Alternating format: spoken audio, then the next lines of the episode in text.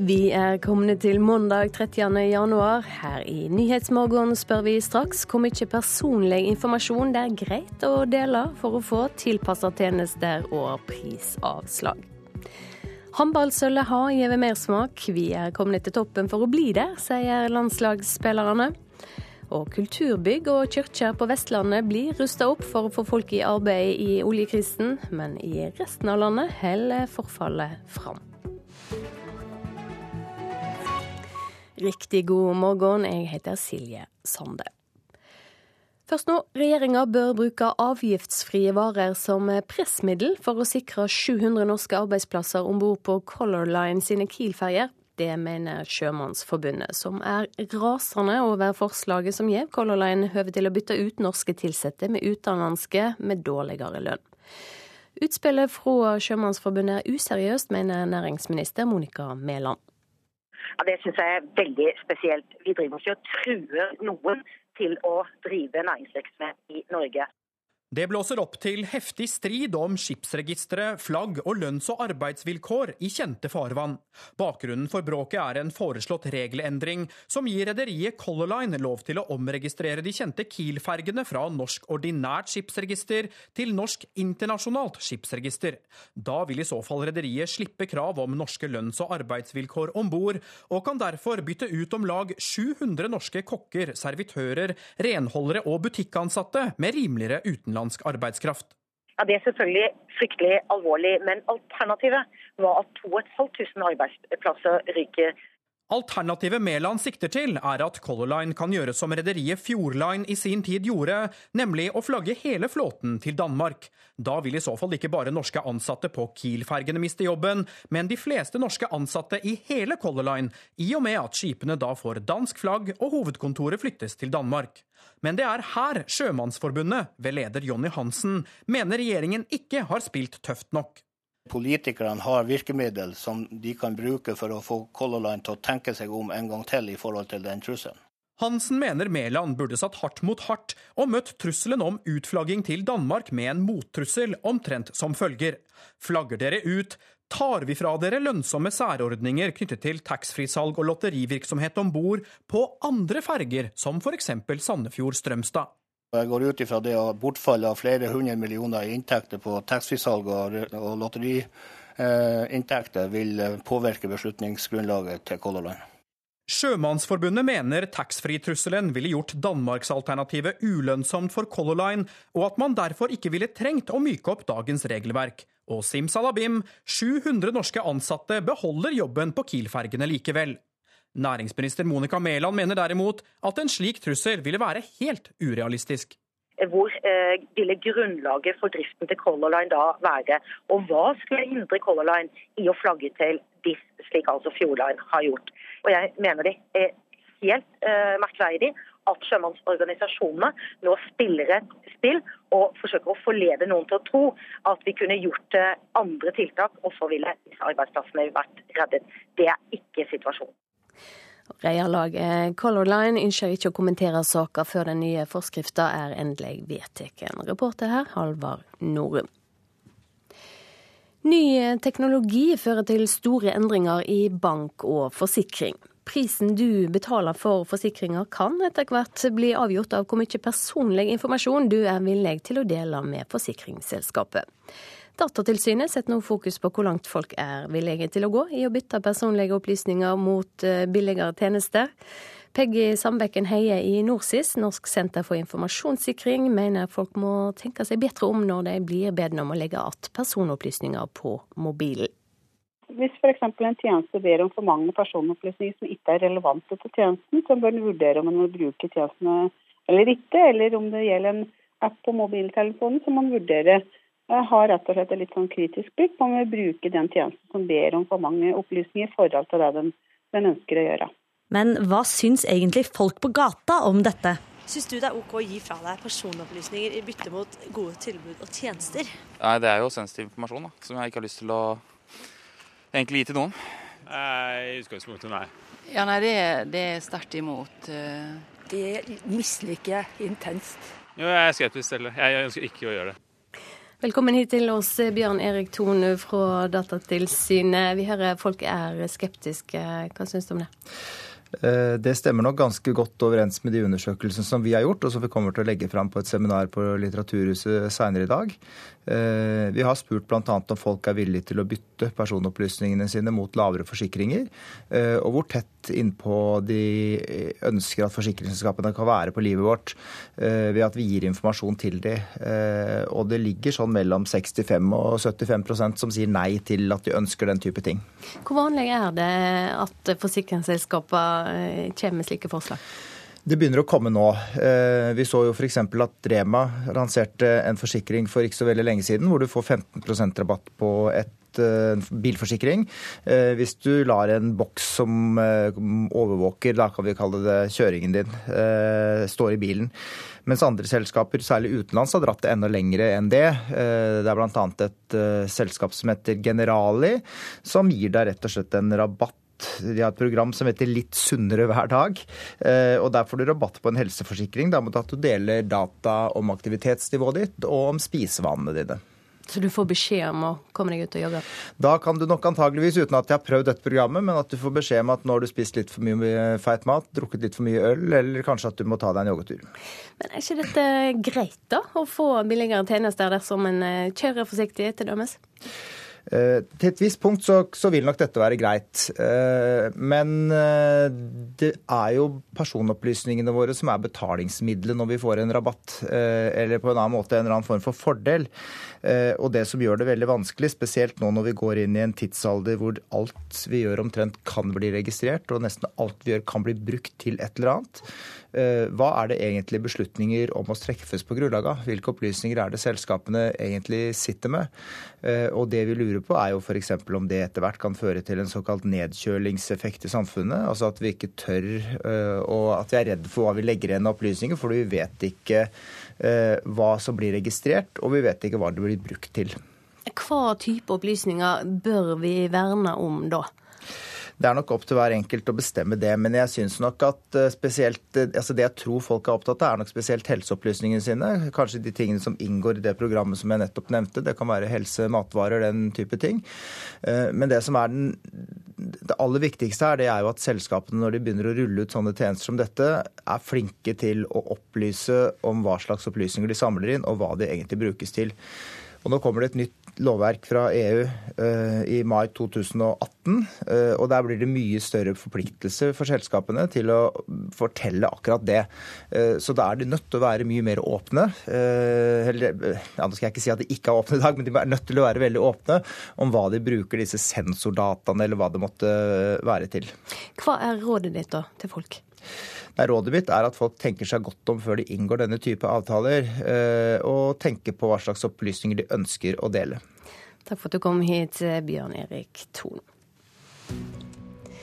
Vi skal kikke på dagens avisframsider. Sølvguttene tapte gullet, men vant alle sine hjerter, skriver VG etter VM-finalen i håndball i går. Aftenposten skriver om Navid Resvani, som får USA-drømmen knust av Trump sitt innreiseforbud. Norsk-iraneren har bodd i Norge siden 2000, men blir nå nekta innreise til USA pga. sin doble statsborgerskap. Trasser krisa dobler resultatet, her er overskrifta i Dagens Næringsliv. Det handler om slangefirmaet Tess, som ikke lot seg stoppe av oljekrisa, men i stedet fikk rekordomsetning i 2016. Bare et lite vekttap kan være farlig for eldre, ifølge en studie fra Hordaland. Konklusjonen er at eldre mennesker bør veges kanskje en gang i året, sier professor Grete Seipolatel ved Universitetet i Bergen til Bergenstidene. Cappelen si farlige narkogjeld kan bli avgjørende for Eirik Jensen, det skriver Dagbladet. Forklaringa til Gjermund Cappelen starter etter planen i Oslo tingrett i dag. Regjeringa sitt budsjettkutt tvinger Helsedirektoratet til å fjerne 60 årsverk i år, i tillegg til de 50 som ble kutta i fjor, skriver Dagsavisen. En svekking av forebyggende helsearbeid vil over tid føre til at flere blir syke, advarer en overlege ved Rikshospitalet. Frp vil ha øl på bensinstasjoner og kiosker, forteller Vårt Land. Når grensene mellom særlig bensinstasjoner og dagligvarebutikker blir borte, må regelverket tilpasses, sier Bård Hoksrud. Adresseavisen forteller om et 100 år gammelt hus i Malvik som får solcelletak. Solcellepaneler ser ut som et skifertak, og det gjør at huseieren langt på vei kan være selvforsynt med strøm. Gerd Kristiansen ber de som er EØS-motstandere i LO om å ta det med ro. Kritikerne må sitte stille i båten, var budskapen fra LO-lederen under Trondheimskonferansen i helga. Det skriver Klassekampen. Svinebønder ber Stortinget om nye reguleringstiltak for å regulere markedet. De frykter prisfall og overproduksjon. Det skriver Nasjonen i dag.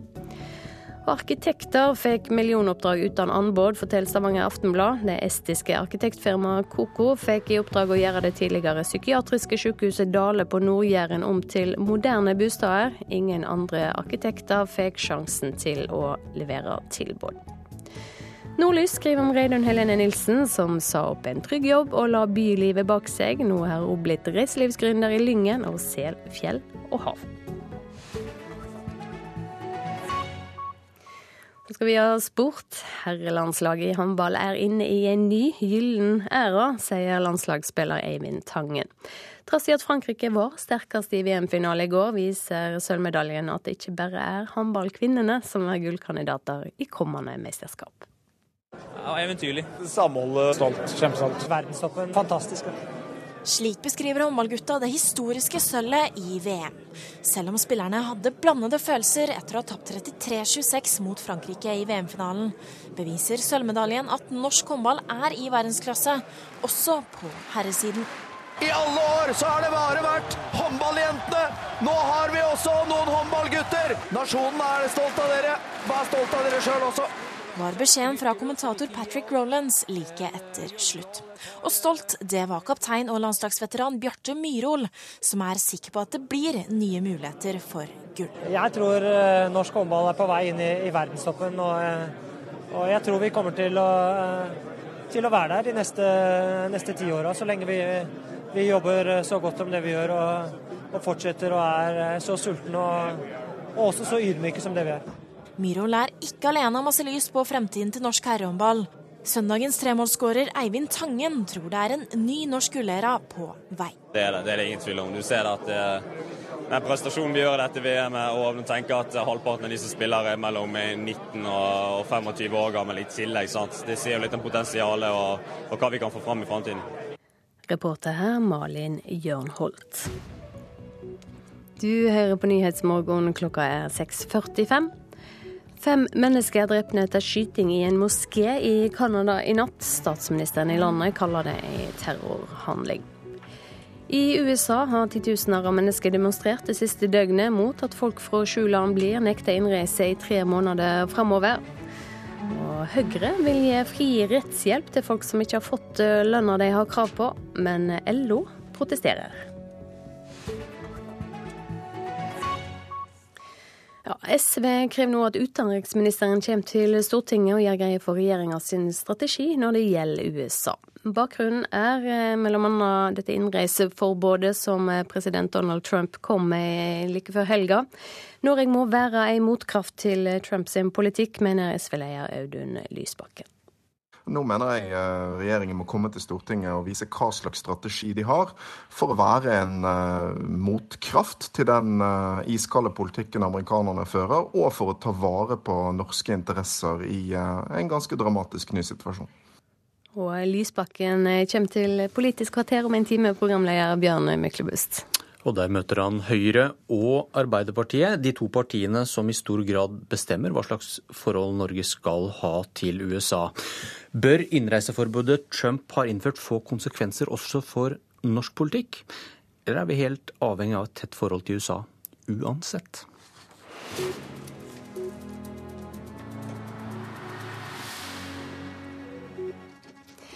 I kveld skal landbruksministeren møte bøndene i Rogaland. Det er venta at flere hundre vil møte opp på Varhaug når landbruksminister Jon Georg Dale sitt eh, forslag til ny landbruksmelding skal diskuteres. Han kan vente seg stor motstand.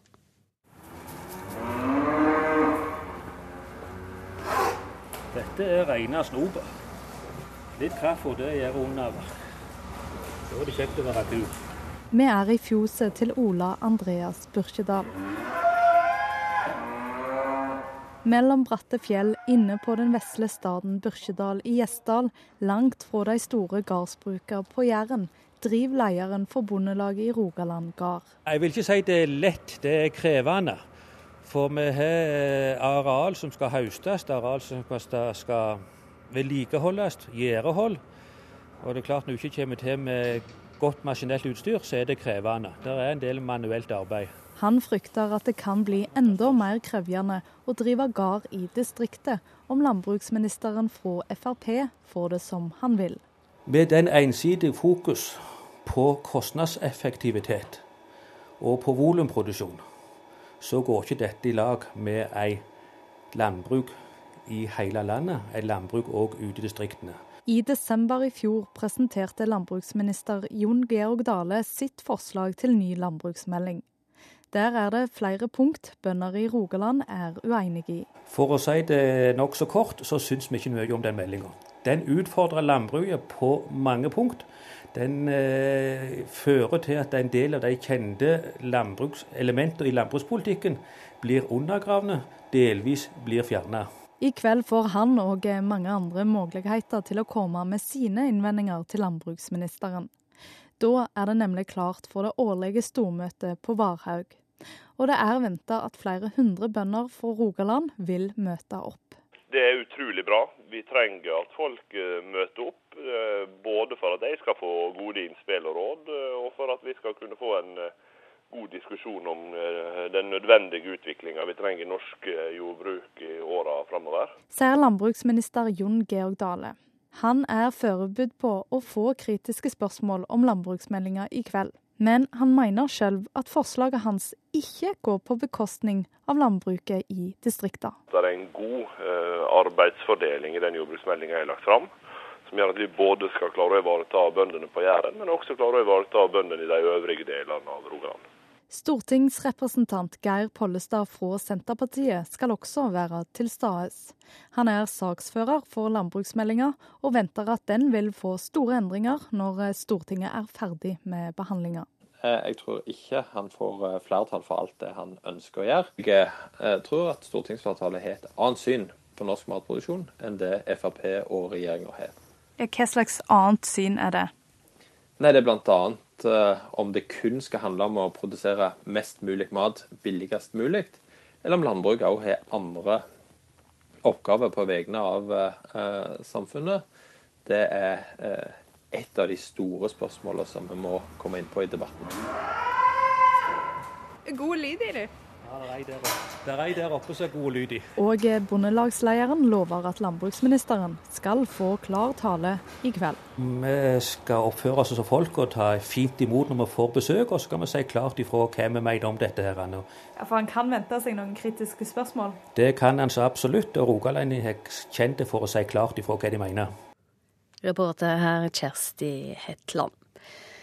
Vi holder oss på Vestlandet. Kulturhistoriske bygninger, museum, teater og kirker på Vestlandet blir nå rusta opp for 233 millioner kroner. Pengene til vedlikehold kommer fra regjeringa sine tiltakspakker for å få folk i arbeid der oljekrisa har ramma hardest. Men når ikke langt, og i resten av landet holder forfallet fram. Nå holder vi på å bygge gruer inni her. Hektisk aktivitet på museumsgården Auamatland i Hå, der Jærmuseet svir av 4,7 millioner kroner fra regjeringens tiltakspakke for å få flere i arbeid på Vestlandet.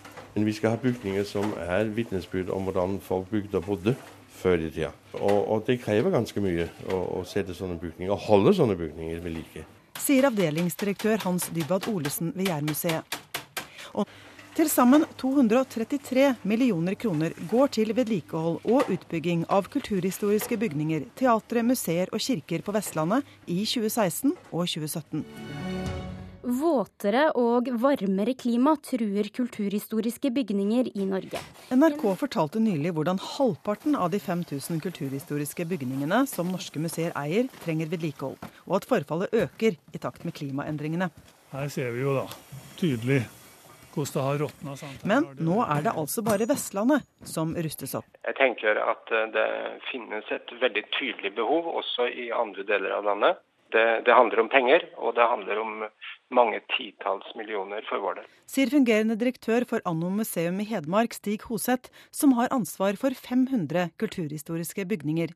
Han frykter at andre landsdeler nå vil sakke akterut med vedlikeholdet, sammenlignet med Vestlandet. Ja, det, det er jo akutt fare for det. Altså, og eh, det må tas tak i. Hvis ikke så vil forfallet fortsette og eh, bli hengende etter. Ja, så absolutt.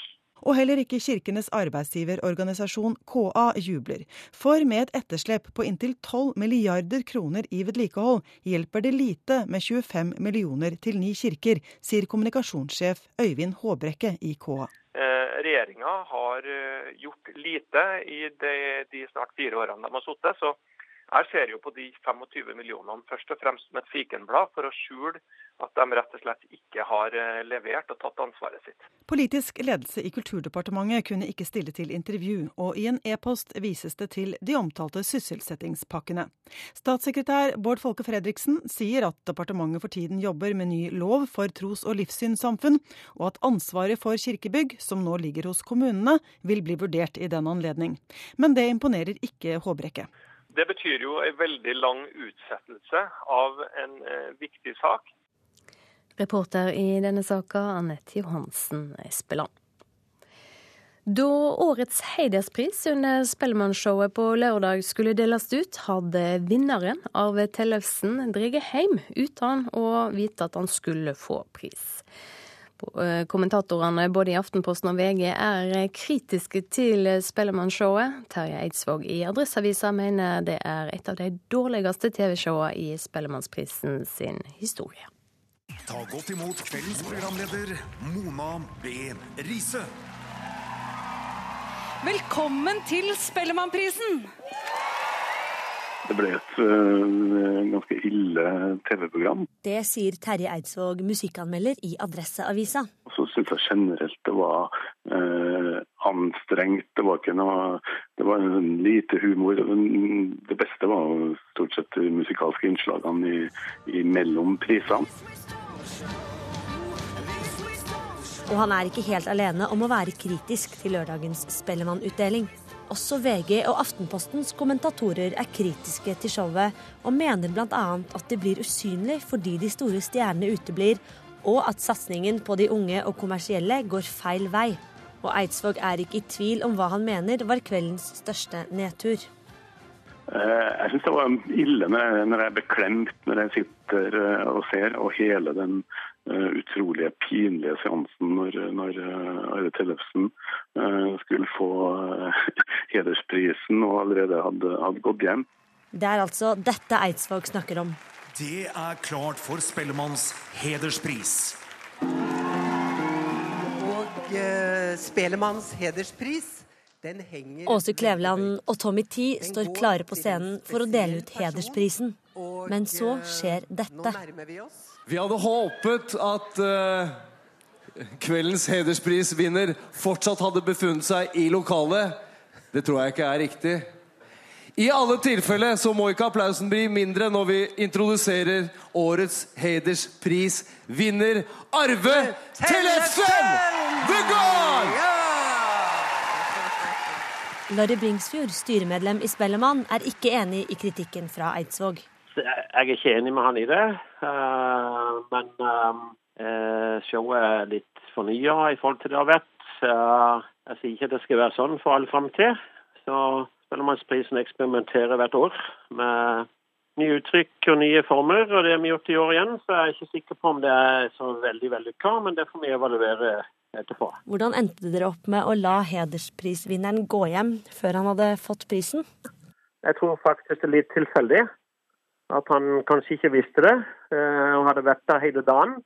Og dermed dro hjem. Det tror jeg er historien. Men jeg er ikke sikker. Han må nesten svare på det selv, han Arve Tellefsen. Og det svaret får du i Kulturnytt når klokka blir åtte. Da kan du høre hva Tellefsen sier om hvorfor han ikke var til stede. Reporter her, det var Mari Sand Malm. Så skal vi ha et værvarsel. Østlandet, Telemark og Sørlandet. Etter hvert stort sett fint vær, men det kan bli skodde eller lave skoddeskyer først på dagen enkelte steder. I fjellområder blir det fremdeles enkelte snøbyger i Langfjella og lengst nord først på dagen, ellers opphold og perioder med sol. Vestlandet sør for Stad etter hvert opphold og perioder med sol.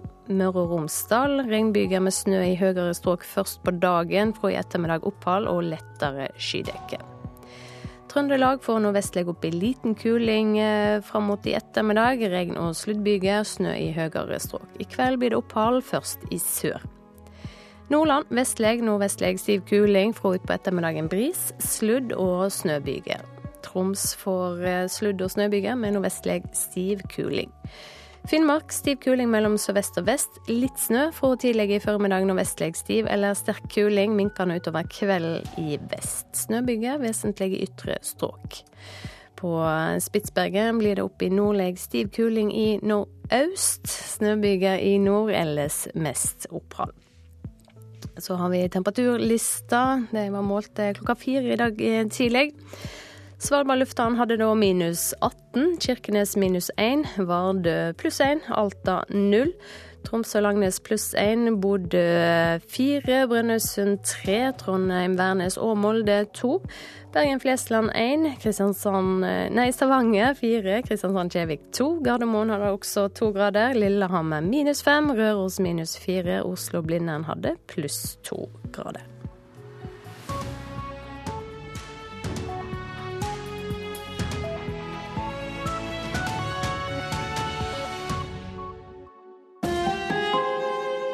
Hør ekko.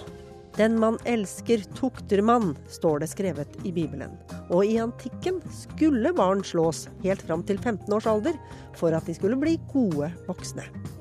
Her i Norge har det vært forbudt å slå barna sine i snart 50 år. Men i de fleste land i verden er det fortsatt lov. Hvor skadelig er det egentlig å slå barna bitte litt? Ekko 9 11 i NRK P2.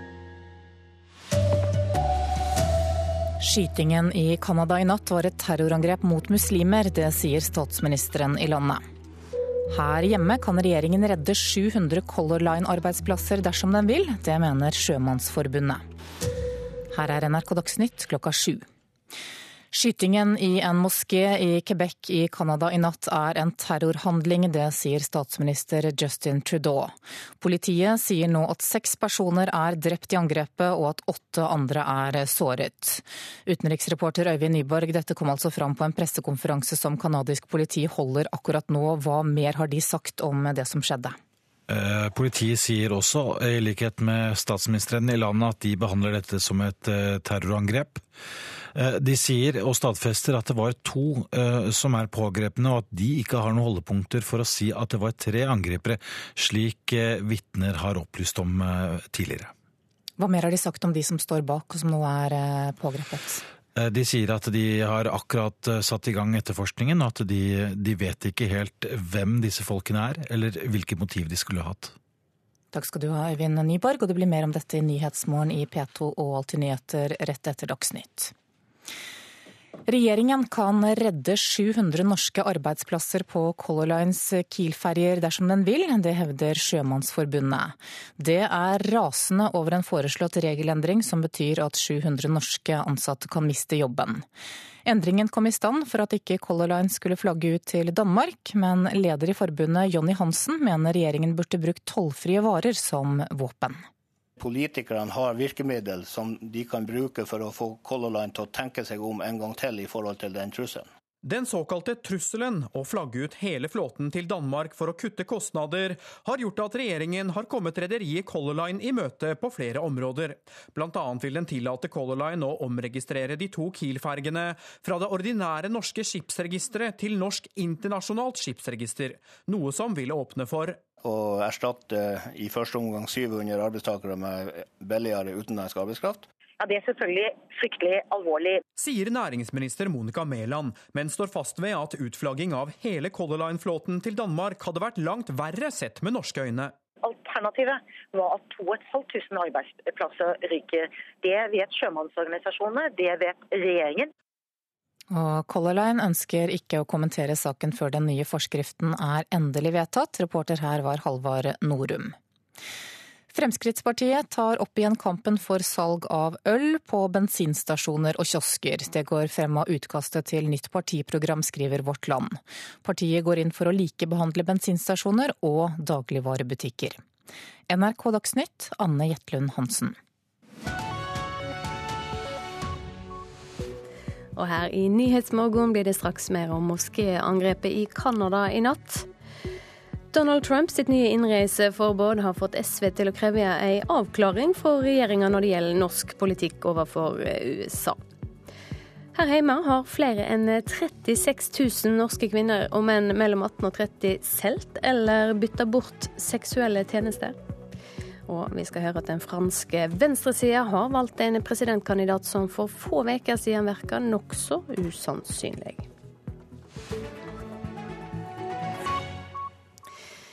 Ja, politiet i Canada og statsministeren der, Justin Trudeau, slår fast at angrepet mot en moské i natt var et terroråtak. Utenriksmedarbeider Øyvind eh, Rønning Nyborg, du er på plass eh, i studio hos oss òg. Politiet er nettopp ferdig med en pressekonferanse. Hva kom fram der?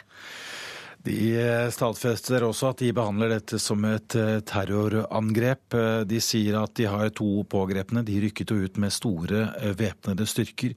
Fikk etter hvert kontroll og sier at de har ikke noe holdepunkter for å si at det var tre angriper, slik vitner har sagt tidligere, men at det er to. De vet ikke foreløpig helt hvem dette er, eller hvilket motiv de skulle ha hatt, men at etterforskningen er i full gang. Hva vet vi om det som skjedde? Det var under kveldsbønnen i går i det som er det islamske kultursenteret i byen, der eh, da eh, to menn eh, væpnet kommer inn og begynner å skyte rundt seg. Og seks ble drept og flere skadet.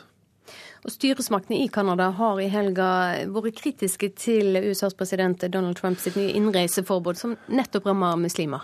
Ja, Det er jo dette som gjør at eh, angrepet nå i går kveld eh, egentlig kommer på et eh, delikat tidspunkt. Og mens debatten raser rundt i verden rundt det kontroversielle innreiseforbudet til, til Donald Trump, da gikk jo statsministeren ut i Canada og sa at eh, det er Eh, han gjorde det klart at flyktninger som blir avvist i nabolandet USA, kan, kan, godt komme til dem i stedet. Og det er også slik at uh, dette islamske kultursenteret som ble rammet nå i går kveld, de uh, har vært utsatt for angrep tidligere. Noen har uh, lagt fra seg et grisehode på trappen der. Det skjedde så sent som i fjor sommer.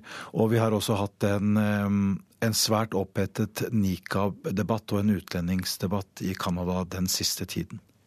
Ja, det skal handle mer om nettopp dette innreiseforbudet. For iverksettinga av det nye forbudet for borgere fra sju muslimsk dominerte land har gått eh, sømløst. Det hevder en talsmann for eh, president Trump på en lukka, på en lukka presseorientering i Det hvite hus i går kveld, ifølge CNN. Men um, ikke alle deler den oppfatninga there's so much confusion out there, and published reports are that uh, neither the Department of Homeland Security or the Justice Department or others were consulted about this before this decision was made. Det er så mye forvirring der ute, og ifølge rapporter ble verken Sikkerhetsdepartementet, Justisdepartementet eller andre konsultert før beslutningen ble tatt, sa senator John McCain til fjernsynskanalen CBS i går. McCain er leder for forsvarskomiteen, og han er bekymret for hvordan innreiseforbudet for irakere vil påvirke samarbeidet med Irak, som er en alliert i kampen mot IS. Hva med de irakiske pilotene som nå trener på å fly F-16 i Arizona? Flere piloter er ventet, men vil de få komme inn, sa McCain. I Mosul kjemper irakiske soldater med støtte fra amerikanske rådgivere for å frigjøre byen fra IS. I en uttalelse undertegnet sammen med en annen republikansk senator, Lindsey Graham, advarer McCain mot at president Trumps innreiseforbud oppfattes som rettet mot muslimer, og kan bidra til å rekruttere flere terrorister snarere enn å gjøre USA mer sikkert. Titusener har tilbrakt de to siste dagene med å demonstrere mot Trumps innreiseforbud på landets internasjonale flyplasser. Men på en lukket presseorientering for journalister som er fast akkreditert til Det hvite hus, sa en talsmann for Trump-administrasjonen i går kveld at gjennomføringen hadde gått sømløst og på alle måter er vellykket. Stabssjef Reins Pribus har også presisert at innvandrere med grønt kort, dvs. Si oppholds- og arbeidstillatelse, er unntatt fra innreiseforbudet.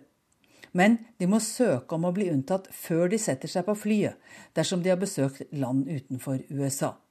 Det var det ingen som visste fredag ettermiddag, og mange med grønt kort ble derfor anholdt da de landet. Alle i denne gruppen skal nå ha sluppet inn. Vi har ingenting å be om unnskyldning for, sa Prebus. Borgerrettighetsorganisasjonen ACLU opplyste i går kveld at de har samlet inn nær 20 millioner dollar, over 160 millioner kroner, for å hjelpe innvandrere som får problemer som følge av Trumps innreiseforbud. Og Ubers toppsjef sier at de har opprettet et fond på 3 millioner dollar for å hjelpe sjåfører fra de sju landene på presidentens liste. Groholm, Washington. Her hjemme krever nå SV at utenriksministeren kommer til Stortinget og gjør greie for regjeringa sin strategi overfor USA. Bakgrunnen er bl.a. nettopp dette innreiseforbudet som er innført i USA. Norge må være ei motkraft til Trumps politikk, det mener SV-leder Audun Lysbakken. Trump blir nå mer ytterliggående for hver dag som går. og Det er tydelig at eh, den norske regjeringen ikke har vært eh, forberedt på at han har ment alvor med alle disse ytterliggående løftene sine. Nå mener jeg eh, regjeringen må komme til Stortinget og vise hva slags strategi de har for å være en motkraft til den iskalde politikken amerikanerne fører, og for å ta vare på norske interesser i en ganske dramatisk ny situasjon. Borgere fra sju muslimske land er nektet innreise til USA, også de som allerede har visum. Trumps innreiseforbud har vakt sterke reaksjoner over hele verden, også i Norge. Først og fremst vil jeg si at jeg tror det kan virke mot sin hensikt, og det syns jeg er det mest bekymringsfulle i denne sammenhengen. Sa statsminister Erna Solberg i går men ord må følges av handling, mener Lysbakken. For det første mener jeg Norge sammen med andre land bør eh, stille opp der amerikanerne nå trekker seg ut. F.eks. For, for kvinners rettigheter internasjonalt. Eh, for eh, de flyktningene som nå ikke får hjelp. Der kan Norge og andre land legge penger på bordet. Han vil også vite hvilke rettigheter norske borgere har f.eks. Eh, faren for at eh, norske borgere kan rammes av innreiseforbudet. Og han mener det er behov for en ny sikkerhetspolitisk debatt i Stortinget. I en situasjon hvor amerikanerne nå sier at det er Amerika først som gjelder, da er det naturlig med en diskusjon om eh, hva Norge skal gjøre for å være mindre avhengig av USA i årene som kommer. Også Arbeiderpartiets leder Jonas Gahr Støre har reagert på innreiseforbudet, som han mener skaper mistillit og dermed svekket sikkerhet. Han mener imidlertid at Norges rolle som USA-venn er å si fra når vi har andre meninger. Nå er det tidlig i perioden, og vi må jo vente at Trump gjennomfører den politikken han er valgt på. Sånn er demokratiet. Og han har jo ønsket å vise en veldig handlekraft første uka med mange dekreter. Eh, og så er det kanskje dette som har eh, gjort størst inntrykk på folk, og det har vært reaksjoner. Eh, og jeg tror også det kommer til å komme mye fokus på er dette gjennomtenkt, alt det som kommer. For det går så fort, og det viser seg å være mange mangler og hull i det. Eh, enten det gjelder mur i forhold til Mexico, eller det gjelder dette. Og Det er jo særlig på utlendingsfeltet det kommer mange slike spørsmål. Og Da er det Norges rolle som både venn av USA og som et annet demokrati å si ifra når vi har andre meninger. Det tror jeg vi tåler godt, og det påvirker ikke vårt forhold til USA som sådan. Og det norske tilhøvet til USA og Trump blir også tema i Politisk kvarter i P2 Alltid nyheter kvart på åtte. Reporter her Katrin Hellesnes. Om lag 4 av eh, kvinner og menn mellom 18 og 30 år, i overkant av 36 000 personer, har solgt eller bytta bort seksuelle tjenester. Det viser ei undersøking Norstat har gjort for NRKs eh, nye dokumentarserie Innafor. Hjelpetiltaket Nadheim advarer unge og sier at den enkelte sine grenser for hva som er greit, lett kan bli flytta på. Hva er det? Ja, det er bare en helt vanlig bh. Kondomer og glidemiddel og sånn. Kine er student, men på fritida selger hun sex. Anonymitet er viktig, og derfor er navnet hennes endra, og det er en skuespiller som leser stemmen hennes. Programleder Emma Claire Gabrielsen har i dokumentarserien Innafor sett nærmere på moderne former for sexarbeid. Kine er en del av statistikken som sier at i overkant av 36 000 kvinner og menn mellom 18 og 30 år har solgt eller bytta bort seksuelle tjenester på nett. Det kan være alt fra salg av nakenbilder til fysisk sex, sånn som Kine selger. Hva skriver han, eller vedkommende? Da er jeg klar når du er klar. Mannen på 34 tror jeg han sa han ville ikke ha noe spesielt på vanlig sex. Må dere komme dere ut? I Oslo sentrum ligger hjelpetiltaket Nadheim for dem som har erfaring med salg av seksuelle tjenester. De ber unge tenke seg om før de går inn i dette. Mange tror ikke det er så farlig, sier sosialkonsulent Fredrikka Olsen. Mange vi snakker med, opplever at det kan være at man går inn i det som en big deal. Og så kan det oppleves som eh, vanskelig i ettertid. Kanskje pga. at man har gjort ting eller ting har skjedd som man hadde tenkt. Eh, mange snakker også om det med om, om ensomhet.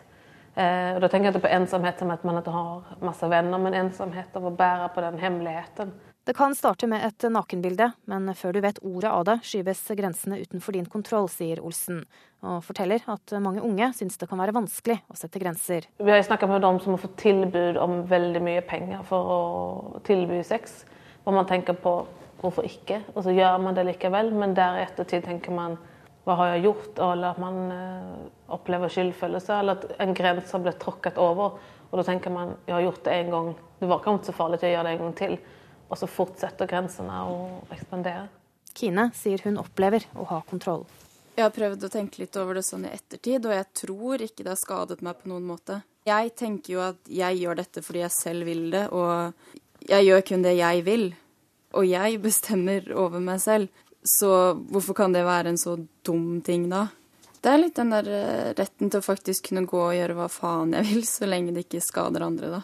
Men det tror jeg ikke det gjør heller, så ja, og innenfor episoden eh, Kjøp meg kan du se på nrk.no. Reporter her Lena Gundersby Gravdal. Anders Rønneberg, psykiatrisk sykepleier i stiftinga Sex og Samfunn, velkommen hit til Nyhetsmorgen. Er du overraska over at så mange som 36 000 kvinner og menn mellom 18 og 30 har solgt eller bytta bort seksuelle tjenester? Eh, nei, jeg er nok ikke overraska over det. Sex og Samfunn møter stadig unge som oppgir å ha solgt, eh, bytta eller kjøpt sex. Så vi vet at dette forekommer, men vi har visst lite om omfanget. Hva er motivasjonen for å gjøre det? Eh, veldig mange ulike historier. Eh, noen sier at det er ledd i en seksuell utforskning, utprøving av seksuelle grenser. Eh, men noen er nok også i en så vanskelig livssituasjon, sånn at det å selge sex blir en, da en utvei. F.eks. å skaffe penger til rusmidler. Hva kan konsekvensene bli dersom en eh, starter med å kjøpe og selge sex? Eh, jeg tenker Hvis man presses, eller man må selge sex i en vanskelig livssituasjon, så tror jeg eh, man kan få mye problemer med det i ettertid. Og så har du jo de som forteller at dette ikke oppleves problematisk, og at de gjør det av fri vilje. Og jeg tenker Det viktigste man gjør, er å høre på de ulike historiene. Sånn at det er nok mange ulike motivasjoner som er grunnen, da. Er det ditt inntrykk at dette er godt gjennomtenkt av, av de unge? Eh, jeg tenker det ligger litt i de unges natur å ikke tenke konsekvenser. Eh, så eh, jeg tror ofte ikke det er så gjennomtenkt. Men det er iallfall da viktig å snakke med unge om, om disse konsekvensene av å f.eks. å dele nakenbilder av seg selv på, på nettet. Ja, for Vi hørte her at det, det, hele kan starte med et nakenfoto. Hvor farlig er det, da? Eh, stort sett så går det jo bra, fordi eh, på nett i dag så er det jo et hav av bilder og videoer som ligger der ute. Eh, men så er det jo de som er uheldige. Vi vet jo at eh, en del har opplevd at eh, bilder sirkulerer på skolen, f.eks. de går på. Og det oppleves jo veldig traumatisk for, for den personen som opplever det. Hvordan vet en om en blir påvirka av dette, kanskje senere, om det går utover seksualiteten senere? Jeg tenker Hvis man har vært i en situasjon hvor man har vært nødt til å selge sex, eller vært pressa til det, så vil jo det påvirke seksualiteten eh, på en negativ måte, mest sannsynlig. Og vi møter jo pasienter som forteller mye skamfølelser i forhold til dette. Og hvis det er noe vi vet ødelegger seksualiteten, så er det nettopp skam. Har unge og eldre ulike holdninger til dette? Jeg tror eh, voksne har eh, problemer med å forstå egentlig hvorfor unge deler disse nakenbildene eller selger sånne typer bilder på nett. Eh, men jeg tenker at nettet har blitt den vanligste arenaen nå for seksuell utforskning og utprøving av seksuelle grenser. Så det er nok litt sånn generasjonsskifte der også. Takk for at du kom hit, Anders Rønneberg fra Sex og Samfunn. Du hører på Nyhetsmorgen, klokka er blitt 7.17. Seks mennesker er drepne og åtte er såra etter skyting i en moské i Canada i natt. En terrorhandling, ifølge statsministeren i landet. Og som vi hørte, flere enn 36 000 norske kvinner og menn mellom 18 og 30 har solgt eller bytta bort seksuelle tjenester. Straks skal vi høre at Oslo kommune også i år vil sponse folk som ønsker å kjøpe seg elsykkel. Men først nå til eh, Frankrike. Der valgte venstresida i går en presidentkandidat som for få uker siden eh, virka som et eh, usannsynlig valg. Litt før klokka ni i går ble det klart at mannen som trakk seg som undervisningsminister i protest mot president Hollande sin økonomiske politikk, slo den tidligere statsministeren Manuel Valls med solid margin. Benoit Amot tok et oppgjør med de konservative, som han skildrer som den privilegerte høyresida, og Nasjonal Front, som skildrer som den destruktive høyresida. J'ai la conviction que face à une droite des privilèges, une droite conservatrice et une extrême droite destructrice, besoin de la gauche, mais d'une gauche moderne, innovante, capable de fabriquer et de porter un futur désirable. Ja, jeg må si altså at Frankrike trenger venstresida, men ei venstreside som er moderne, innovativ og retta mot framtida. Med oss nå europakorrespondent Philip Lote. Hva betyr det for presidentvalget at eh, venstresida nå har valgt Benoit Amon framfor den kanskje mer polerte og sentrumsorienterte Manuel Valls? Det er et uttrykk for at uh, franske velgere også på venstresiden søker noe nytt uh, og har vært villige til å prøve noe som ikke har vært uh, prøvd før. Amot han ønsker borgerskatt på 750 euro til alle franske innbyggere. Han ønsker å skattelegge fabrikker som bruker roboter istedenfor manuell arbeidskraft. Han ønsker fri hasj. Men det det først og fremst betyr, er at du har et startheat før selve presidentvalget som er helt annerledes enn hva noen spådde på forhånd. Det er veldig stor spredning mellom kandidatene. Eh, Marine Le Pen lengst til høyre, en dypt konservativ Francois Fillot for de konservative, Amaud for venstresiden, og midt imellom disse den uavhengige eh, Emmanuel Macron, eh, som er den som tjener aller mest på dette. Han er en liberal person. Han eh, leder en bevegelse som ikke tilhører noe parti. Han var finansminister Eh, under eh, Hollande. Eh, men han ønsker å stille som uavhengig og har fått nå et spillerom som han bare kunne drømme om. Hva jobb er det nyvalgte Amon nå må ta fatt på? Han må forsøke å samle venstresiden, og det blir ingen eh, lett jobb. For til og med Manuel Wahl, som nå tapte i går, hintet eh, før valget at det ikke var gitt at han kom til å støtte Amo. At også han vurderte om hvis han tapte, skulle støtte den uavhengige Macron. Eh, nå sto de sammen på trappen eh, etter at resultatet ble kjent i går, så vi får se. Men også en tidligere frontfigur for det franske Arbeiderpartiet som Ségolène Royal, som nå er miljøminister, eh, har hintet hintet i at hun ikke kommer til å støtte ham òg, at hun vil eh, heller støtte den uavhengige tidligere finansministeren. Så han har en meget vanskelig oppgave foran seg. Hvordan er situasjonen blant kandidatene lenger til Høyre nå før den første valgrunden i slutten av eh, De konservative er blitt rammet av en uh, aldri så liten uh, skandale. Kandidaten som de valgte, Francois Fillon, han er nå ute om å forsvare utbetalinger gjort til hans kone, den walisiskfødte Penelope Fion. Hun skal over flere år ha fått utbetalt 500 000 euro i lønn, som det blir hintet er gjort for arbeid som egentlig ikke har blitt utført. Altså at hun har vært hans rådgiver da han var medlem av parlamentet og fikk betalt for dette. Men det er da han må nå bevise, og det er en offentlig gransking nå, på om hun faktisk har gjort dette arbeidet.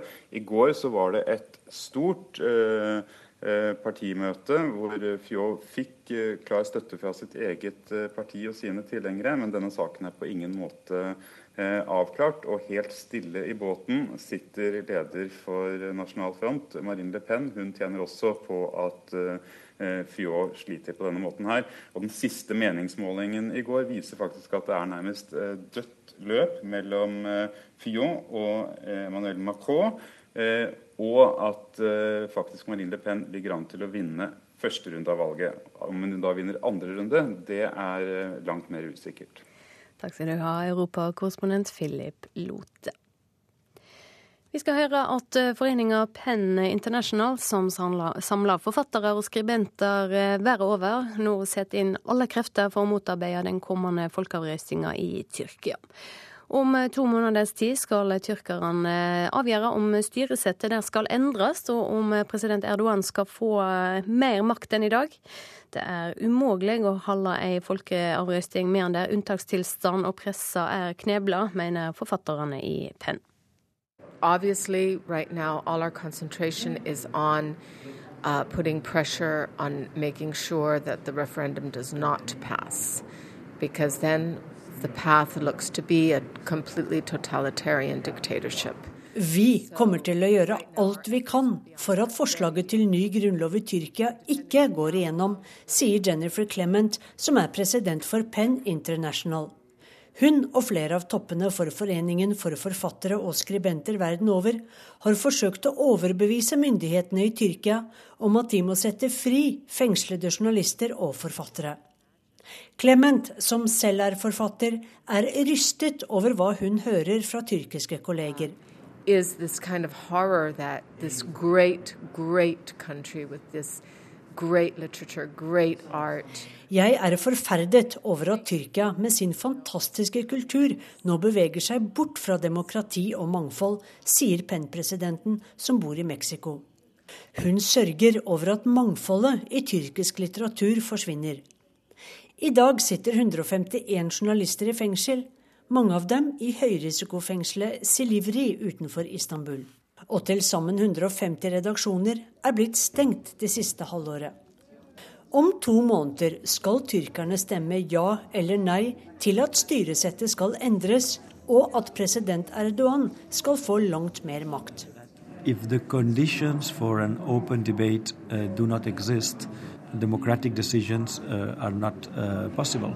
Men fraværet av en fri presse gjør det umulig for tyrkerne å kunne ta en gjennomtenkt avgjørelse i folkeavstemningen for de får ikke høre alle argumentene for og imot, mener daglig leder for Penn International, Carles Torner fra Catalonia. Some of us uh, will be doing advocacy at the level of the United Nations, at the level of the Council of Europe. Vi kommer til å jobbe mot FN, Europarådet og EU for å få dem til å protestere, sier Torner.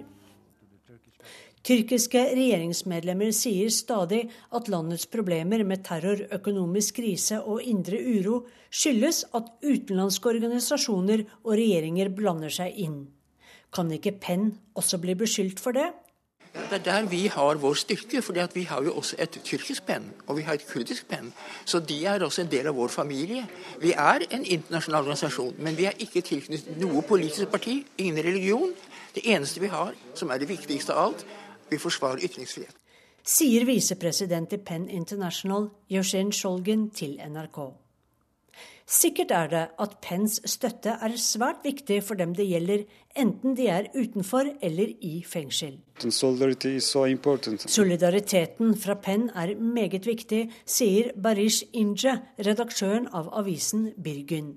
En av få aviser som fungerer som opposisjonelle stemmer i Tyrkia nå. Det sa vår korrespondent Sissel Wold. Tar vi en kikk på dagens avisframsider. Sølvguttene tapte gullet, men vant alle sine hjerter, skriver VG etter VM-finale i håndball i går.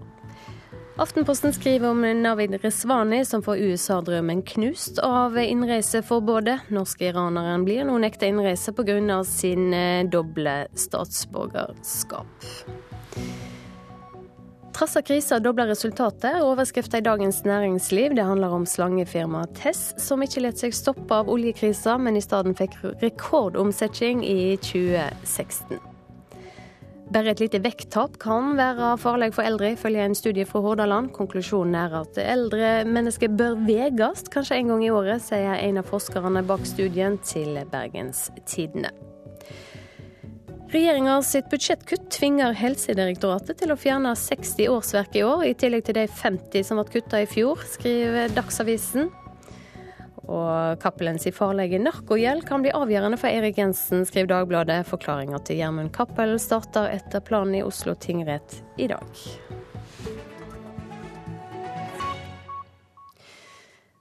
Drømmer du om å suse rundt på en elektrisk varesykkel med ungene, matvarer eller kanskje hunden i en kasse framfor deg? Trass i mye kritikk skal Oslo kommune også i år sponse folk som ønsker å kjøpe seg elsykkel. Det er førstemann til mølla-prinsippet som gjelder. Fra 1.2 kan privatpersoner i Oslo søke om å få inntil 10 000 kroner i pengestøtte. Jeg tror det er i hvert fall sånn tre sitteplasser oppi der, ja, på det lasteplanet. Og sikkert plass til masse matvarer da, hvis du ikke fyller den med barn. Tanja Hauge Reine ser på et bilde av drømmesykkelen. En elektrisk varesykkel. Jeg ser vel for meg at sånn i praktiske situasjoner, handling, kanskje henting i barnehagen, på skole og sånn. Men elsykler er dyrt, og de med lasteplan koster enda mer. For mange er elsykkel noe man ikke tar seg råd til, men det vil Oslo kommune gjøre noe med. Fra 1.2 kan privatpersoner og bedrifter søke om å få inntil 10 000 kroner til kjøp av elektrisk varesykkel. Vi trenger å bruke mindre plass for å transportere oss, og da tror jeg ellastesykkel kan være et godt alternativ til bilen. Det sier byråd for miljø og samferdsel Lan Marie Nuen Berg. I fjor kunne folk søke om tilskudd til vanlige elsykler. Nå er det satt av fem millioner kroner til varesykler, i håp om at flere lar bilen stå. Ordningen fikk mye kritikk i fjor.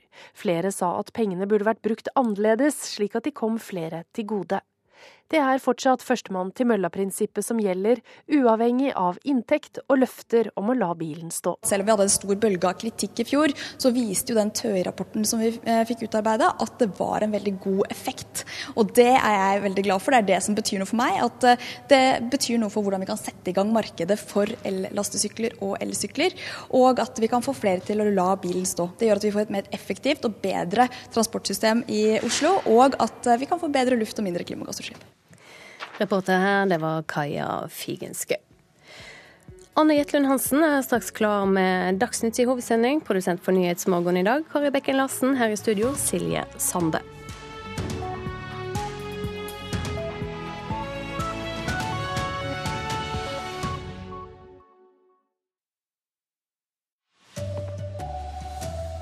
Seks mennesker er drept i et angrep mot en moské i Canada.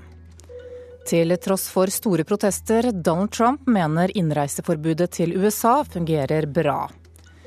Og 4% av unge kvinner og menn har solgt eller byttet bort seksuelle tjenester. Her er NRK Dagsnytt klokka 7.30. Skytingen i en moské i Quebec i Canada i natt er en terrorhandling, det sier statsminister Justin Trudeau. Seks personer er drept og åtte andre er såret i angrepet.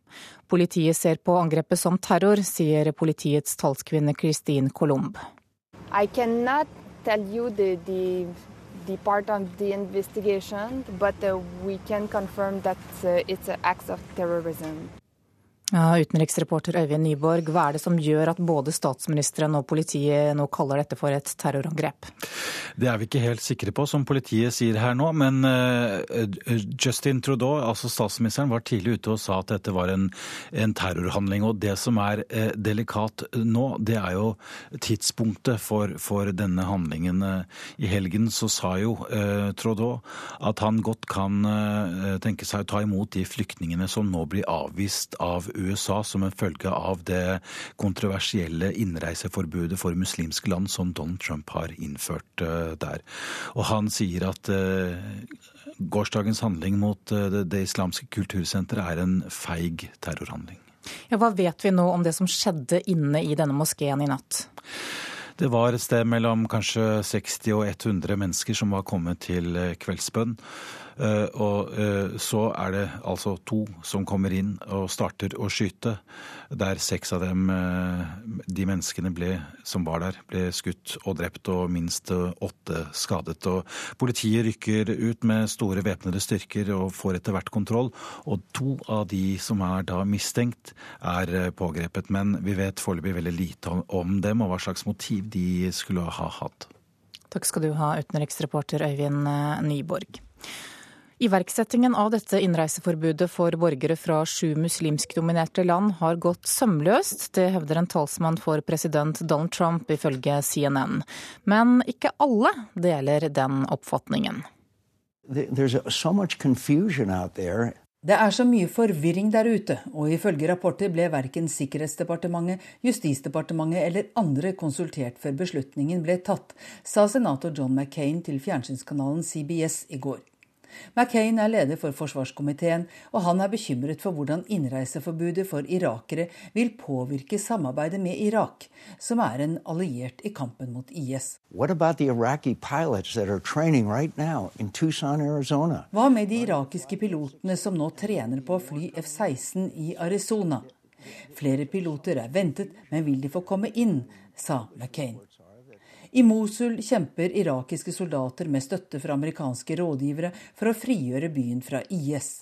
I en uttalelse undertegnet sammen med en annen republikansk senator, Lindsey Graham, advarer McCain mot at president Trumps innreiseforbud oppfattes som rettet mot muslimer, og kan bidra til å rekruttere flere terrorister snarere enn å gjøre USA mer sikkert.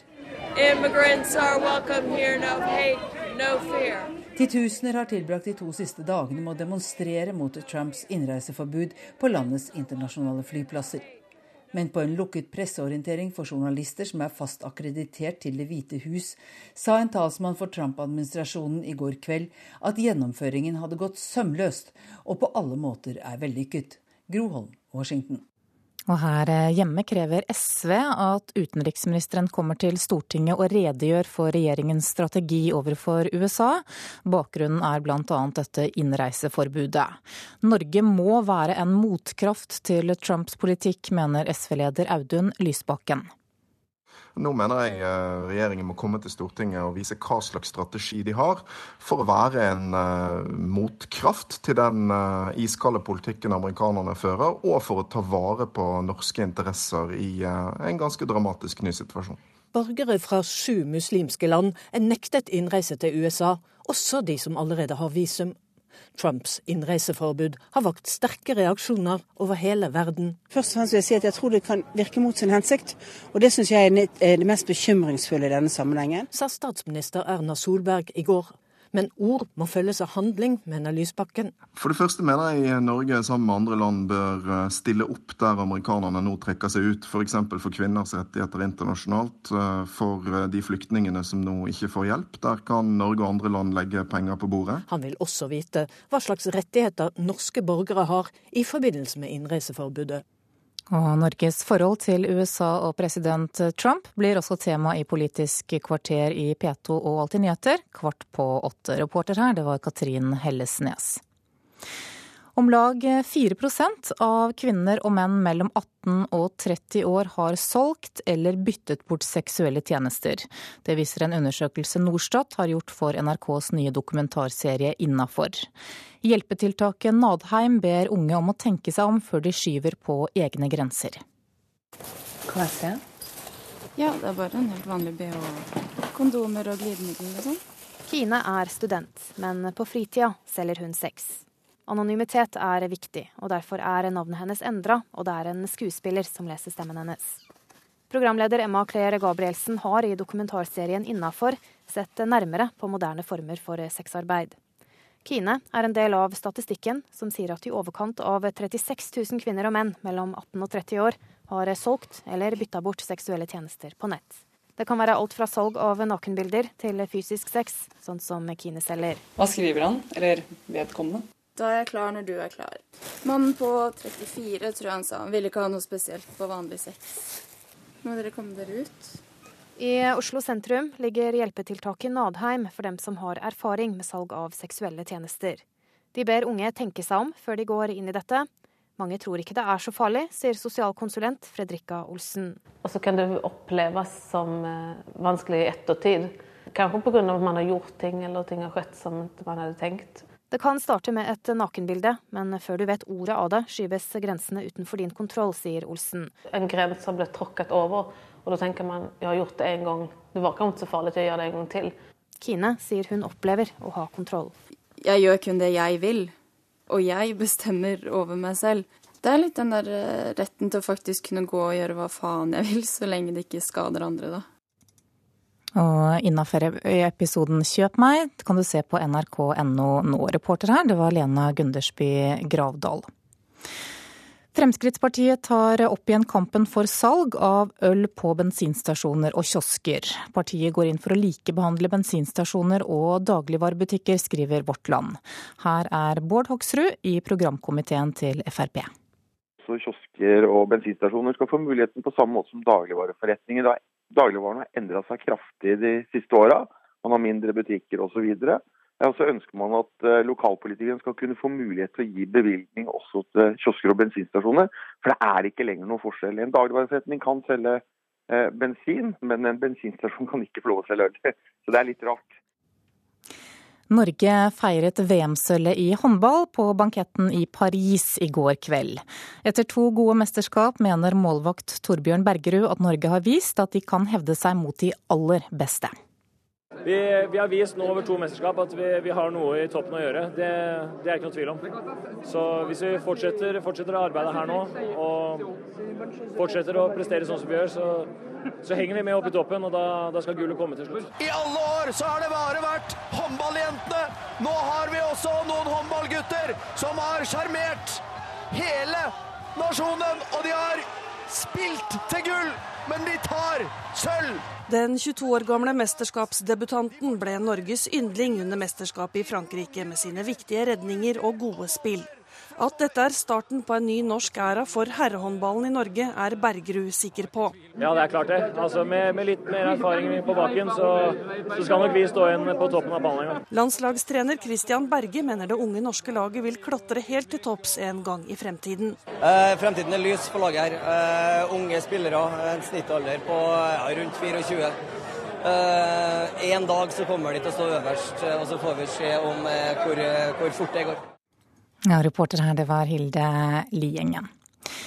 Norges forhold til USA og president Donald Trump blir altså tema i Politisk kvarter i dag. Bakgrunnen er bl.a. innreiseforbudet som president Trump iverksatte før helgen, og som har skapt store reaksjoner. Og SV møter til debatt i P2 og Alltid nyheter kvart på åtte. Ansvarlig for Dagsnytt denne morgenen er Bjørn Christian Jacobsen, og her i studio Anne Jetlund Hansen.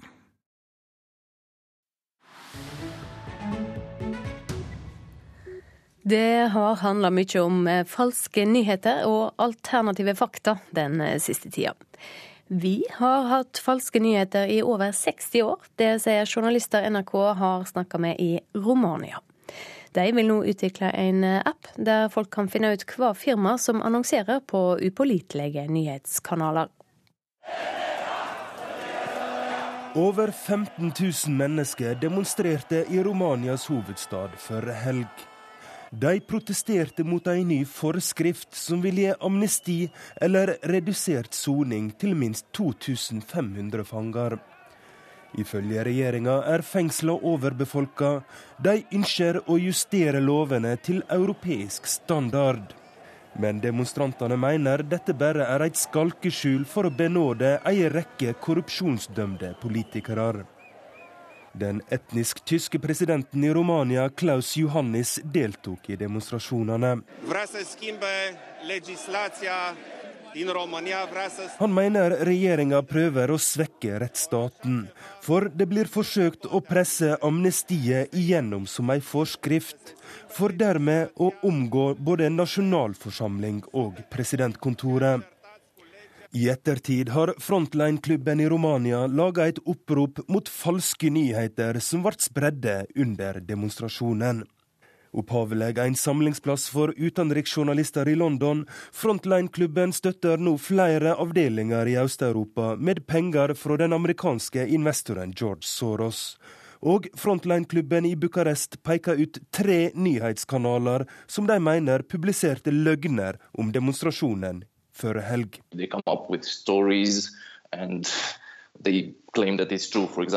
Nyhetskanalene sa at demonstrasjonene var et statskupp, og at de i gatene var kjøpt og betalt av George Soros, forteller utenriksjournalist Julian Preda.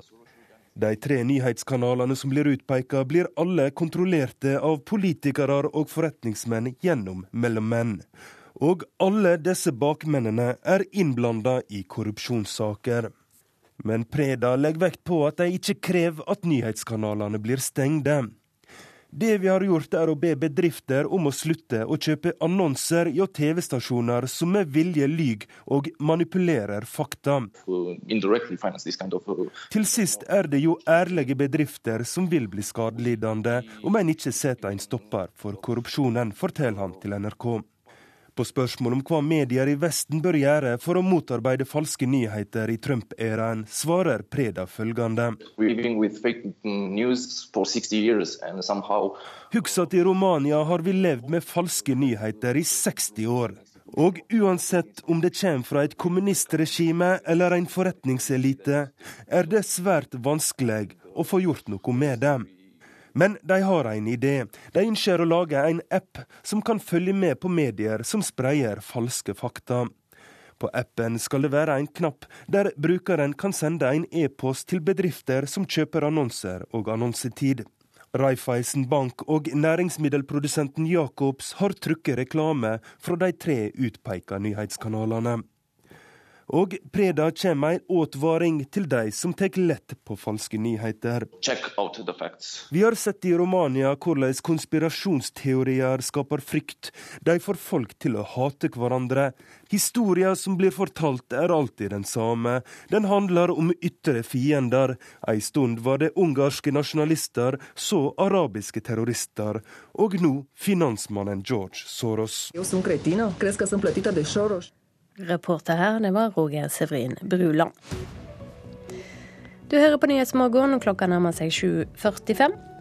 Seks mennesker drepne, åtte er såra etter skyting i en moské i Canada i natt. Ei terrorhandling, ifølge statsministeren i landet. I USA har titusener av mennesker demonstrert det siste døgnet mot at folk fra sju land blir nekta innreise i tre måneder framover. Donald Trump mener innreiseforbudet fungerer bra. Flere enn 36 000 norske kvinner og menn mellom 18 og 30 har solgt eller bytta bort eh, seksuelle tjenester. Og Frp vil ha ølsal på bensinstasjoner og kiosker. Når grensene mellom eh, bensinstasjoner og dagligvarebutikker blir borte, må regelverket tilpasses, sier Bård Hoksrud. Nå blir det Politisk kvarter, programleder Bjørn Myklebust.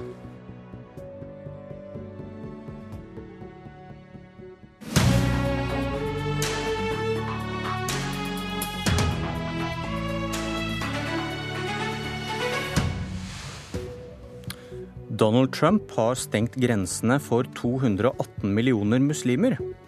Norge liker det ikke, hører vi Solberg og Brende si. Det holder ikke med ord, sier Audun Lysbakken. Velkommen til Politisk kvarter, som ikke byr på annet enn ord, om du liker dem eller ikke. USA har altså innført nye regler for hvem som kan komme inn i landet, for å hindre terror på amerikansk jord. Øyvind Halleraker fra Høyre, nestleder i utenrikskomiteen. Kan dette gjøre USA tryggere? Nei, Først vil jeg si at uh, vi har tatt sterk avstand fra dette. Uh, fordi uh, alle mennesker må behandles likt, uavhengig av religion, nasjonalitet og hudfarge. Og USA bryter nå med dette med å nekte innreise, og det har vi tatt tydelig avstand fra, og, og, kommer til å fremholde dette i alle kontakter med USA. Eh, til ditt spørsmål om dette gjør eh, USA utryggere, så vil jo tiden vise. Tryggere var spørsmålet? Men, tryggere, ja. Eh, min, eh, min, personlige oppfatning er at eh, dette er å gå i feil retning. Dette vil skape enda større aggresjon og usikkerhet, og dermed mer utrygghet. USA har vært det landet som tar imot desidert flest kvoteflyktninger, men som en del av de nye reglene vil altså Trump mer enn halvere Obamas tak på 110 000, og kun slippe inn maks 50 000 på et år, i tillegg til at syriske flyktninger stenges ute på ubestemt tid. Og statsminister Erna Solberg uttalte i går vi har en plikt og et ansvar for å beskytte mennesker på flukt. Norge gjør en stor innsats på dette området, både i nærområdene og med dem vi tar til Norge. Dette ansvaret har også USA. Sitat slutt. Og Halleraker, hva, hva skal vi gjøre med flyktninger som ikke får hjelp når USA ikke vil ta det ansvaret?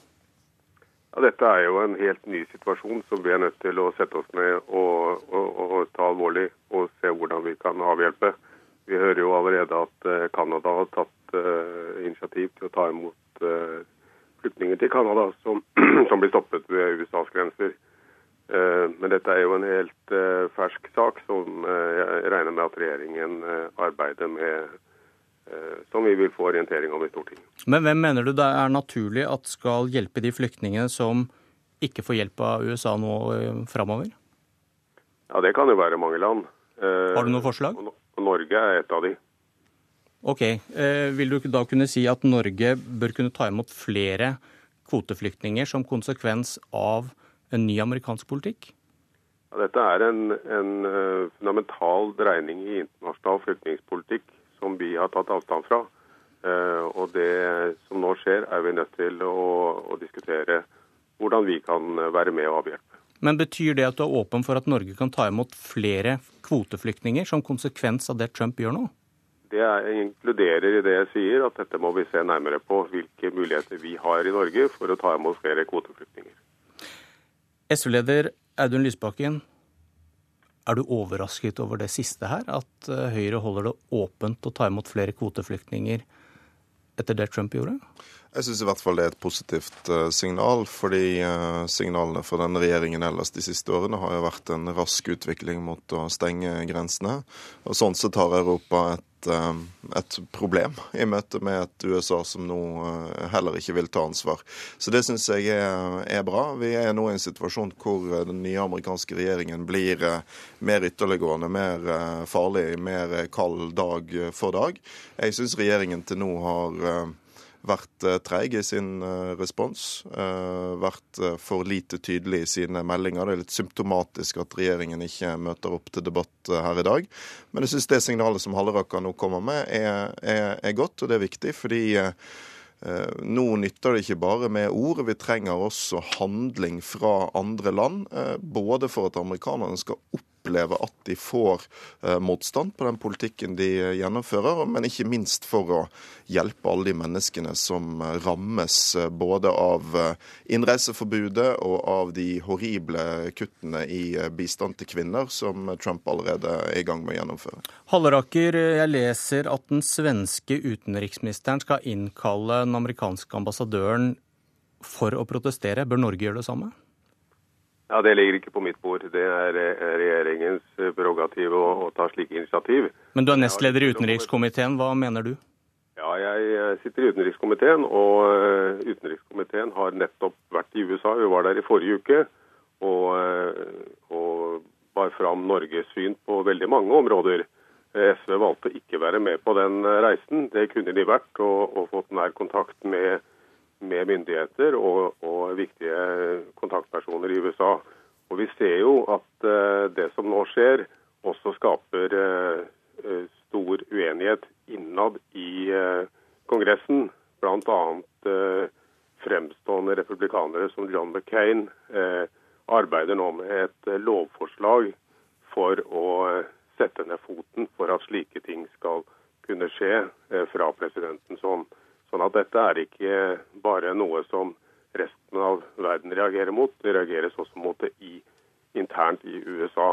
Ok, eh, Lysbakken, vi har hørt deg i morges. Norge må gjøre mer for flyktninger hvis USA gjør mindre. Også du støtter nå en åpning for å ta imot flere kvoteflyktninger. Eh, men som du også var inne på, dette har ikke vært så lett. Det har vært mange partier som har vært mot en sånn politikk. Og hvis dere får makt med Arbeiderpartiet etter valget, da må et lite parti som SV prioritere hva dere skal få gjennomslag for. Og det har dere gjort. I fire punkter. Barnetrygd, oljeboring, lærere og profittfri velferd. Det står ikke et ord om flere kvoteflyktninger. SV snakker varmt om flyktninger, men vil ikke prioritere dem hvis dere får sjansen? Nei, Det er ikke riktig, og det bygger nok på en liten misforståelse av hva det vedtaket er. For vi har løftet fram noen saker hvor vi vet det vil være spesielt um, uh, store diskusjoner mellom oss og Arbeiderpartiet. Og det gjelder ikke kvoteflyktninger? Så på står, så flyktningpolitikken? står det veldig tydelig at helheten i en politisk avtale vil avgjøre for oss. Jeg tror eh, med den internasjonale situasjonen som er nå, at det vil være fullt mulig f.eks. å få til uh, en økt norsk innsats i fraværet av amerikansk innsats. Jeg tror alle som kjenner SV, har sett hva vi har gjort, vet at vi kommer til å slåss for flyktninger, flyktninger i nød, akkurat sånn som vi har gjort. Men da, da, er det et veldig godt spørsmål, hvis dere snakker så varmt om det og vil kjempe for det. Hvorfor vil dere ikke prioritere det? Men vi vil prioritere det. Det står du, ikke på deres firepunktsliste. Du leser det vedtaket feil, for det er ikke en uttømmende liste over hva som er viktig for SV. Men det er noen saker hvor vi vet vi har vært uenige med Arbeiderpartiet. Men dere har da vært veldig, vi... veldig uenige med Arbeiderpartiet i flyktning- og asylspørsmål. Og det står ikke på deres prioriteringsliste. Men vi har jo ikke hatt en hoveduenighet rundt kvoteflyktningsmottak. Bjørn Myklebust, det har jo også Arbeiderpartiet gått inn for å øke antallet i denne perioden. Det er ingen tvil om at vi kommer til å ha vært vårt utgangspunkt, men der tror jeg det er mulig å, å bli enige om noe. Det er mange uenigheter mellom SV og Arbeiderpartiet, og vi kommer til å slåss for vår politikk i hver eneste av de sakene. Det kan du være helt trygg på. Vi er så heldige at vi har med oss hun du kanskje skal samarbeide med, Anniken Huitfeldt fra Arbeiderpartiet, leder av utenrikskomiteen. For ta det først, da. Høyre hadde her en åpning for flere kvoteflyktninger som konsekvens av Trumps politikk. Må Audun Lysbakken kjempe dere i senk for å få til det, hvis dere får makt etter valget, eller er du med på tankene? Jeg er nok i utgangspunkt urolig for at det er en direkte oppfølging av Trumps linje. At Europa sier at vi står klare hvis dere ikke tar deres forpliktelser. Det kan i verste fall forsterke hans motstand mot å ta imot flyktninger, og her må alle land bidra. Hvor, hvor, forklar logikken der at hvis, hvis, eh, Norge og andre land tar imot flere kvoteflyktninger som konsekvens av det Trump gjør, så blir det bare verre der borte?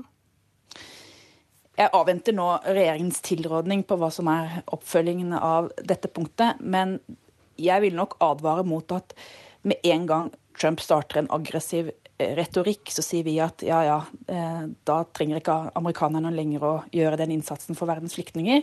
Vi står klar for å overta den jobben. Her må det legges press på alle land. fordi at vi trenger flere land som tar ansvar for, for kvoteflyktninger, slik Norge har gjort. Og nøkkelen til det er å få kontroll med Europas grenser, slik at vi kan få ta imot de som står og venter i flyktningleirer i flere steder i verden.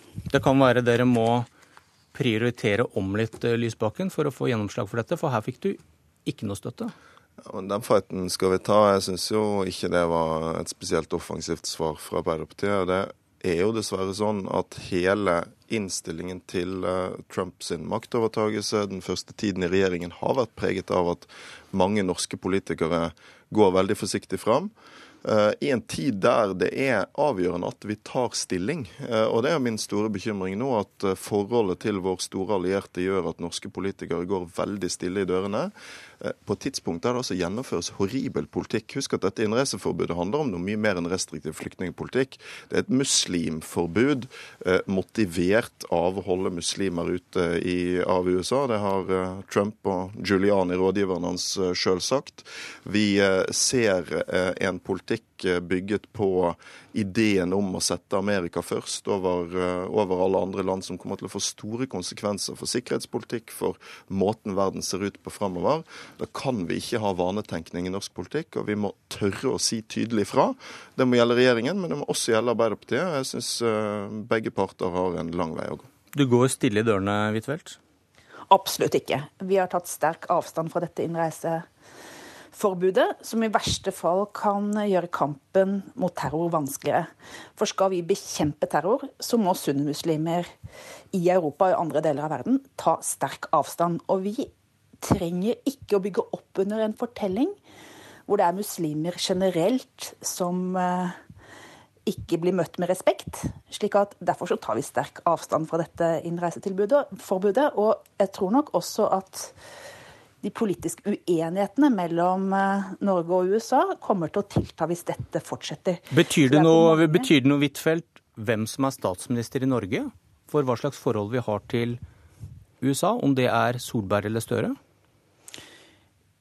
I utgangspunktet så ønsker vi et nært samarbeid med USA, men opp gjennom historien så er det jo slik at det har vært sterkere kritikk av amerikansk politikk når det gjelder kampen mot apartheid i Sør-Afrika, når det gjelder eh, kuppet i Chile som ble gjennomført med amerikanernes hjelp, og det var jo også noe uenighet om vi skulle støtte invasjonen i Irak i 2003.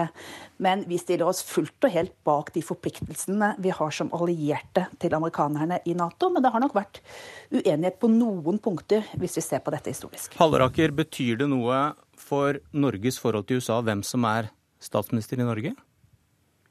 Jeg tror at uh, Norge har en god tradisjon uh, overfor uh, sin største allierte. Og det er det mitt håp om at vi fortsatt skal ha, uavhengig av hva slags statsminister har. vi har. det er vi helt avhengig av. Og som jeg sa, vi har nettopp vært der borte med utenriks- og forsvarskomiteen og fremholdt norske interesser i mange viktige spørsmål. Det går selvfølgelig på forholdet til Nato, som det også har vært reist tvil om. Det går på eh, forholdet til Russland, hvor Norge har en eh, dobbelt eh, interesse, nemlig å bevare et godt forhold i nord, men samtidig stå bak sanksjonene som EU og USA har stått for. Og det gjelder også koalisjonens arbeid i, i Syria og kampen mot ekstrem organisme. Lysbakken, du har Vent litt, Halleraker. Tiden løper fra seg. Lysbakken, du har bedt Brende komme og, og redegjøre for Stortinget eh, forholdet til USA nå som Trump er president. Det høres ikke ut som det blir noe generaloppgjør, hvis du hører på disse to store partiene her. Nei, men jeg tror mye kan forandre seg. Vi må ta et oppgjør med vanetenkningen i norsk utenrikspolitikk. Innse at verden er fullstendig forandret. Og da er jeg ute etter at norske politikere, Norge, må ta stilling. For det er det vi må framover. Og uh, selv om jeg syns at ordene som har kommet fra de andre partiene har vært for svake til nå, så er jo det aller viktigste hva vi faktisk gjør. Uh, gå fra ord til handling. Da mener jeg at Norge f.eks. kan legge penger på bordet for å kompensere for de uh, horrible kuttene i kvinners rettigheter som eh, amerikanerne nå gjennomfører. gjennomfører. Vi kan gå sammen med andre land for å gjøre en innsats for flyktninger, som vi har diskutert. Vi må få en klarhet i hvilke rettigheter norske borgere har i forhold til innreiseforbudet. Og vi må også ha en diskusjon om hva det betyr for norsk sikkerhet at det landet vi er så avhengig av, sier at nå er det Amerika først. Jeg mener jo at det borger for en mer uavhengig norsk sikkerhetspolitikk fremover. Kort til slutt, Huitfeldt. Vil du at eh, Brende kommer til Stortinget og redegjør for Norges forhold til USA nå? Det er viktig at han redegjør bredt for utenrikspolitikken, og det skal han gjøre. Når det gjelder initiativet om å gi mer til kvinner, så var det noe jeg tok opp i forrige uke, og jeg er glad for at SV støtter det. Ok, eh, Enighet til slutt der, så får vi se på det med kvoteflyktninger. Takk til dere. Jeg heter Bjørn Myklebust, og det var Politisk kvarter.